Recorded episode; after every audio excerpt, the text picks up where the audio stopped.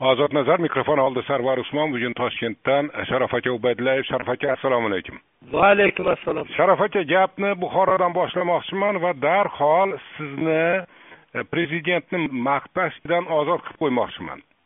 Ham sizni nohaq tanqiddan ozod qilsam bo'ladimi? Nohaq respublikani umuman haqiqiy gapni gaplashaylik marhamat haqiqiy gap shuki men aytmoqchimanki siz ish siz qiladigan ishni hozir men qilmoqchiman. Buxoroda tabiiy ofat bo'ldi va prezident yetib bordi shaxsan va bu maqtovga arziydigan ish.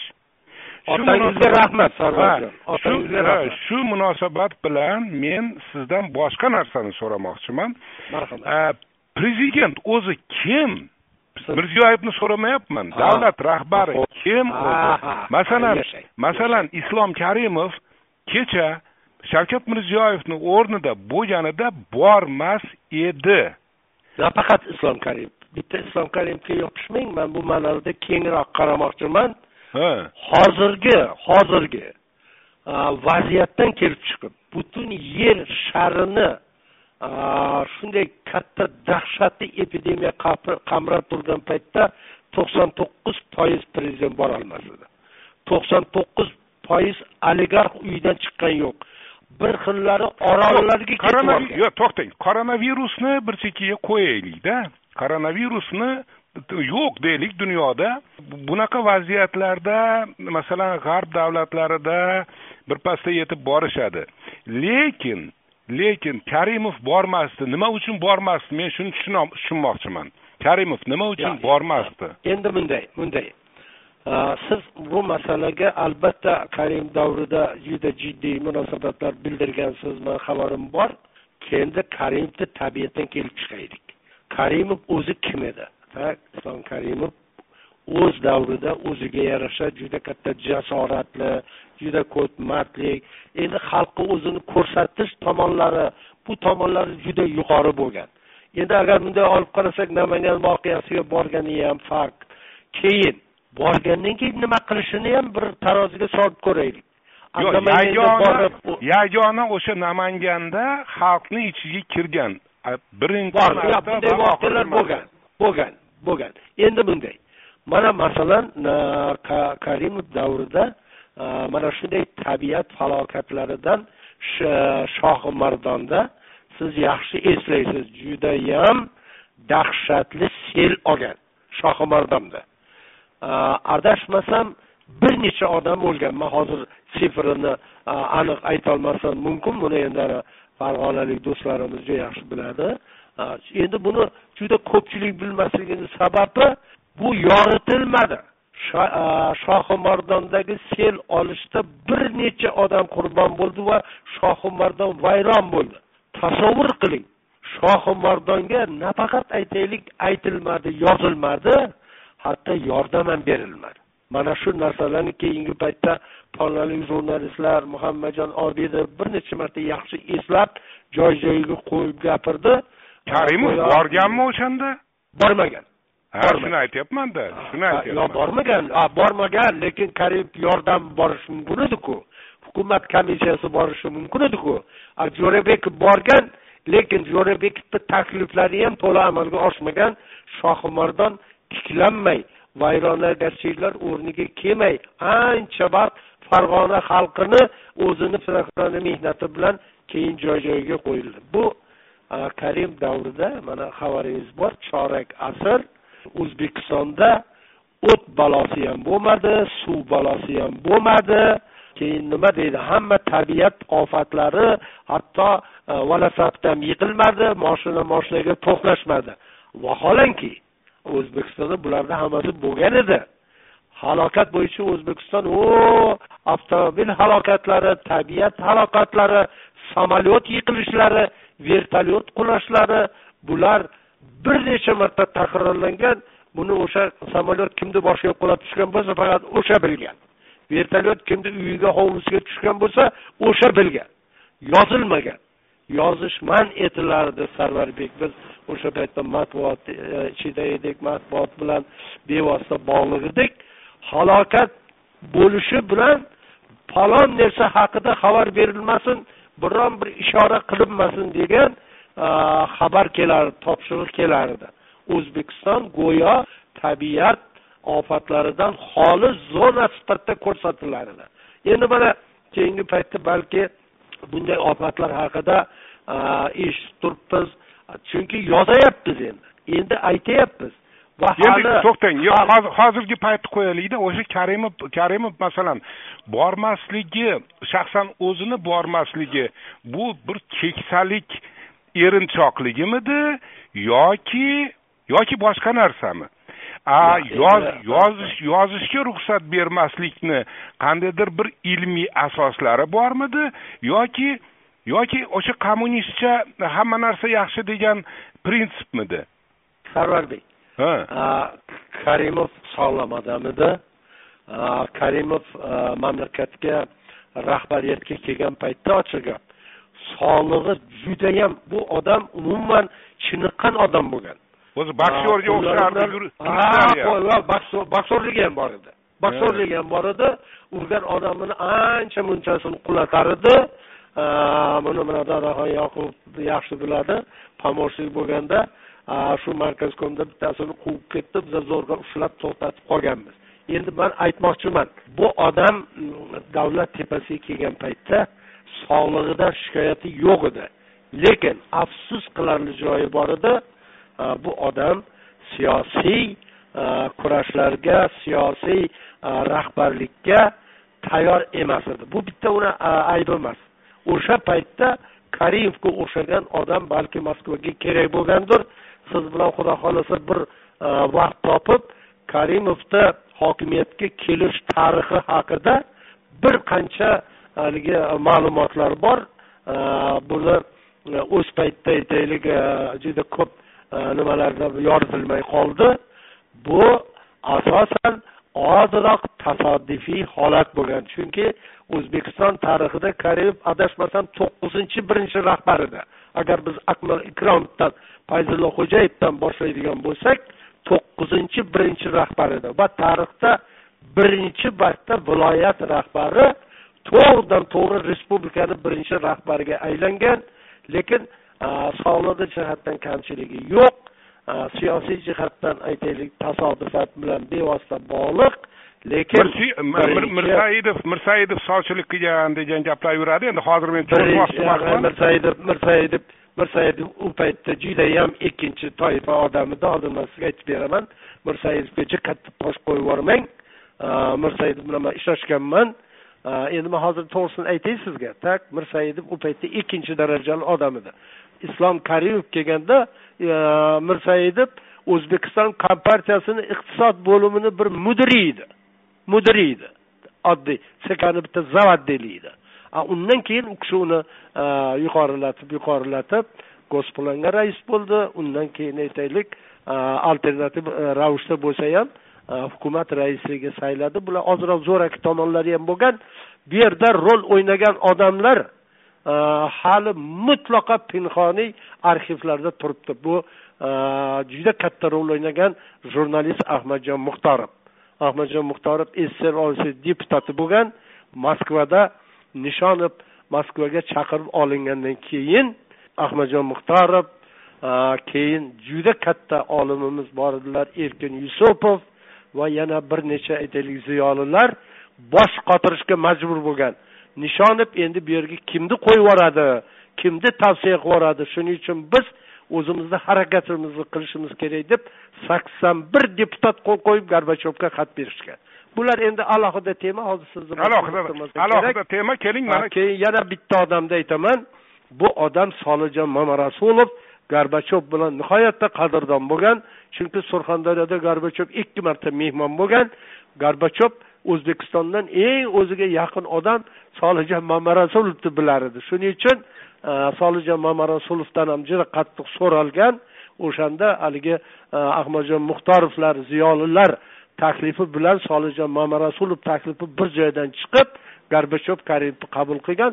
Qabul qilib shunday qarasa tap tayyor familiya o'zbekcha ichi ichki dunyosi tap tayyor rus. Shundan keyin o'z o'zidan e, bu kishi kelib qolgan lekin birinchi besh yilligini islom karimovni hech qachon o'zbekiston tarixi unutmasligi kerak. O'zbekistonda mustaqil bo'lishda juda poydevoriga bu odamni xizmati katta lekin ya'ni sal oshirib yubordingiz shu joyda sal oshirib yubordingiz mustaqillik poydevoriga boshqacha fikrlar ham bor. Siz hozir juda konserva qilib qo'ygan fikrlaringizni e, bir chekkasini ochdingiz alohida alohida gaplashamiz endi alohida gaplashamiz. masalan mana aytgandek sssr politbyuro gurkirab turgan paytda bu kishi o'zbekiston mustaqilligi uchun juda dadil kurashdi keyin aytaylik o'zbekistonda bo'lgan dastlabki yillardagi nishonalarini bu odamni mana oddiy paxta mustaqil mustaqil bo'lsak ariqlarda qon oqadi degan odam ham islom karimov edi ha endi bu o'sha davrda siyosati bilan bog'liq. U kishi u paytda ittifoqni mana bundayda tergovda bitta qonun bor sarvarbek.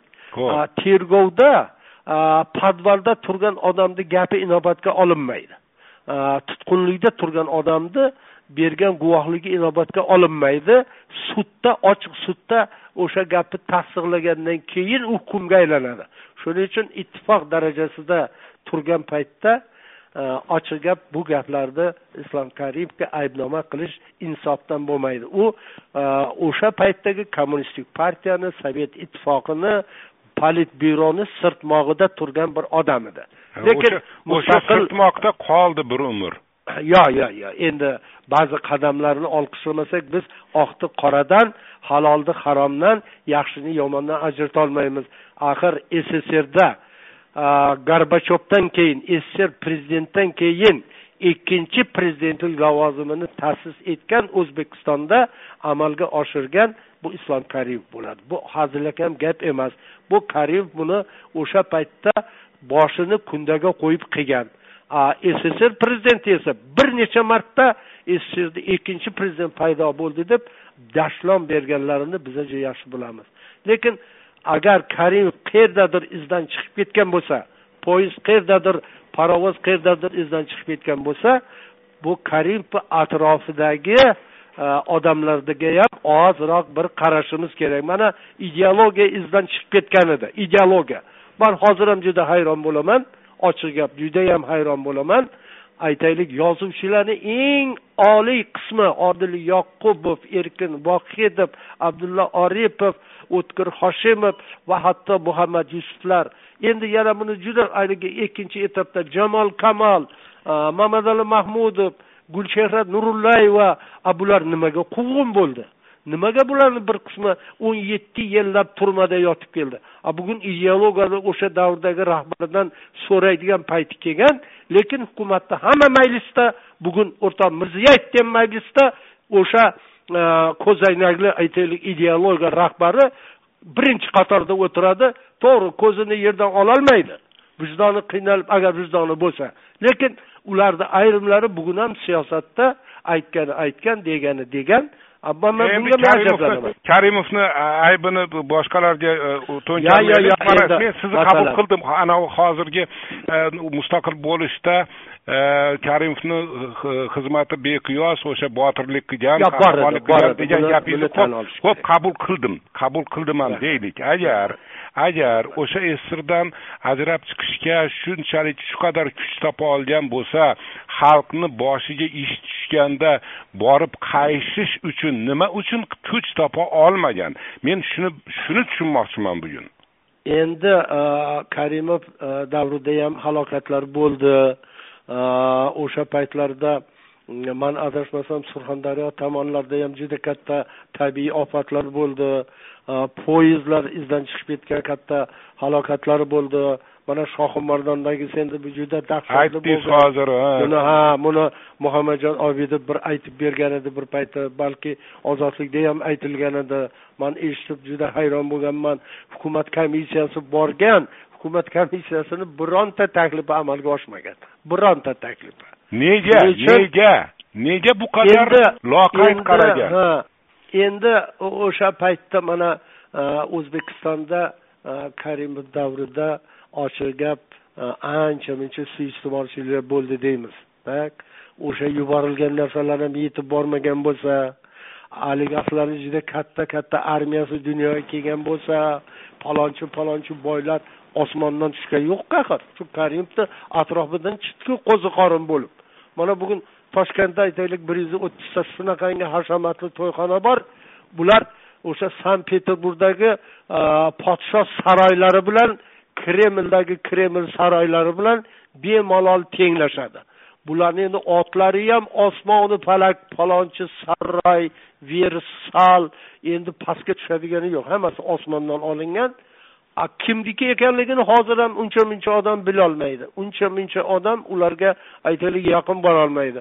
Endi o'sha paytdagi davlat tepasida pastki tepa qismida turganlarni ayrimlari hozir ham juda pishqirib hozir ham juda pishqirib так? Man ulardan bir qanchasini bilaman endi hozir keling bizda o'zbekiston xudoga ming shukur pandemiya sharoitida shunday bir jasorat bilan shunday bir katta mardlik bilan dunyoni o'ziga aytaylik lol qoldirib dunyoni e'tiboriga sazovor bo'lib turgan paytda bizda endi bitta ikkita kamchiliklardan bugun e, g'iybat yasamaymiz. Ochiq gap bulardan ortiqcha gap qilmaymiz.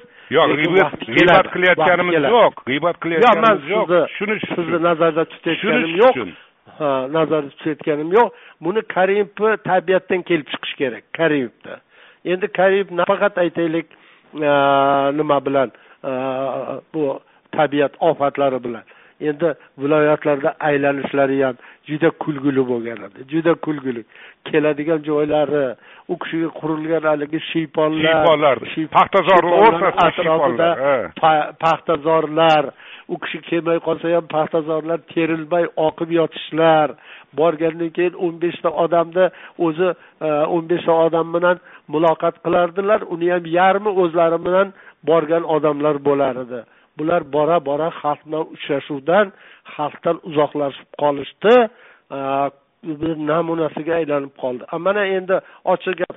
Buxoroga borib shunday bir vayronagarchilikda dalada xalq bilan aytilgan gapni bir qarang aytilgan gapni qarang.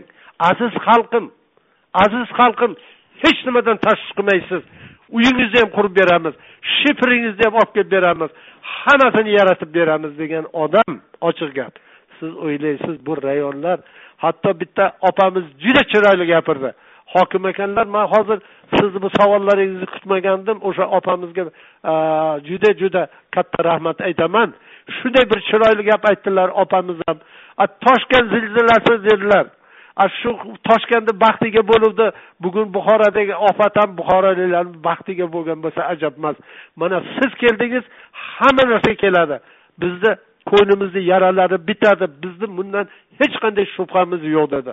Man mana shu shu o'rinda buxoroga ha yo'q yo'q yo'q aytyapmanku aytyapman. Men suhbatni boshidayoq tan oldim. Prezident to'g'ri ish qildi yaxshi ish qildi dedim. Men bilmoqchi bo'lganim mana boyadan beri boyadan beri karimovni shunday ish qilmasligini tushunishga harakat qildik. Endi keling menga mirziyoyev nega shu ishni qilayotganini tushuntiring axir o'sha karimovni shogirdi edi yonida bir umr yurdi davlat rahbari qanaqa bo'lishini ko'rdi andozani bildi lekin o'zini bunday tutyapti. Saylovni o'ylaydi desak saylov birinchidan yaqin emas ikkinchidan o'zbekiston sharoitida bunaqa piarni hojati ham yo'q o'zi aslida. Sarvarbekjon sarvarbek nima nima harakatlantiruvchi kuch? Karimov buni tushunish uchun bitta karimovni o'zidan yoki bitta mirziyoyevdan axtarmaylik mana bizlar xudoga shukur usmon yusufni ham ko'rib qolganmiz. Usmon yusuf atrofidagi gaplarni ham eshitganmiz. Lekin usmon yusufni vatanparvarligini usmon yusufni xalq nega ota degan o'zbekistonda shu paytgacha uchta odamni ota deyilgan. Uchta odamni. Shu uchta odamni hozir man bilishimcha sezishimcha shavkat mirziyoyev etagini tutib o'zidan uzoqlashtirmay shularni bahosini berib kelyapti. Bittasi usmon ota yusupov. Usmon yusupov yo'ldosh oxunboboyev va sharof rashidov. Ochig'i sharof rashidov sharof ota deyilishiga yo'l qo'ymagan. Majlislarda biron joyda bitta odam shunday aytib yuborsa sharof rashidovich oqil umurzoqovga qarab xumrayib qarardilar. Ochiq gap. Man aytmoqchimanki endi usmon yusupov davrida yashagan ishlagan davlat arbobini hammasini biz usmon yusuf shogirdi desak adashamiz. Chunki usmon yusuf mirzacho'lga surgun bo'lgandan keyin stalinni o'limidan keyin xrushchyov tomonidan gulus nimaga boyovutga e, u paytdagi eng sahroni sahrosi mirzacho'l edi. Mirzacho'lga surgun bo'lganda nimaga bironta odam usmon ota sizni kim shu ahvolga soldi deyolmadi yoki o'sha paytda bironta davlat arbobi u kishidan borib xabar ololmagan sharof rashidovdan boshqa.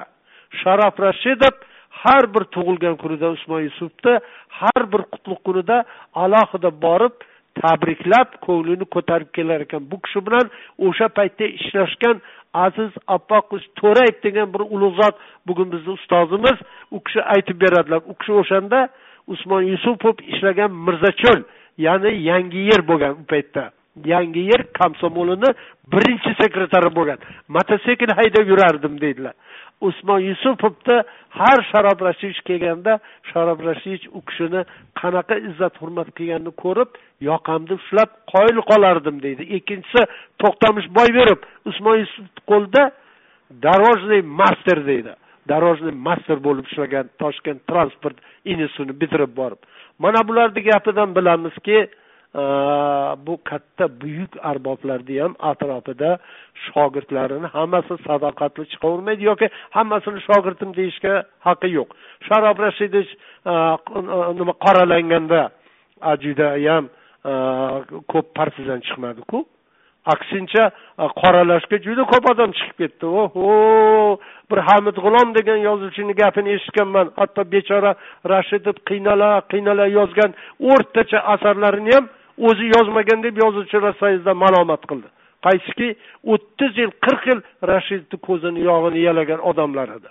Lekin shunga qaramay shukurlo degan buyuk odamlar mana shu e, kecha o'sha rashidov qoralangan paytda e, anishib degan jallodlar kelganda anishibni oldiga kirib to'polon qilgan anishib o'zini kitobida yozayapti shukurlani aytyapti mana shunaqa mard odamlar bor o'zbekistonda.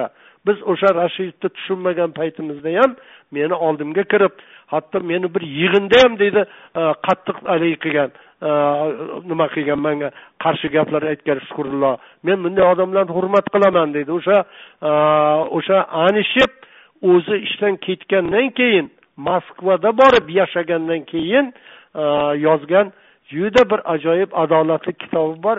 Men shu kitob o'zbekistonda hozirgacha eng noyob kitob deb bilaman.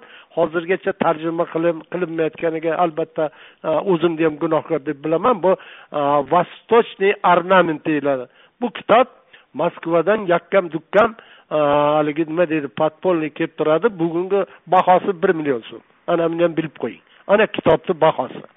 Shuning uchun islom aka rahmatli yer borib yetkazmasin nima bo'lsin iloyo oxiratlari obod bo'lsin e, ruhlari shod bo'lsin tabiatlari juda og'ir edi. Ayniqsa keyingi yillarda turli muhitlar oqibatida u kishini atrofidagilar boshini aylantirib aylantirib u kishini ko'p aytaylik mamlakatni ichida hadiksirab yashashga omonat yashashga olib kelgani uchunmi e, bu kishi e, xalq bilan uchrashuvdan bora bora bora orqaga tisarilib qoldi. Hatto uni nutqini yozadigan bir e, bor edi hozir u shavkat mirziyoyevga ham yozyapti. Xuddi shunaqa gaplarni ham ishlatadi farzandlarim o'zbekistonda hammasini farzandlarim demaslik kerak.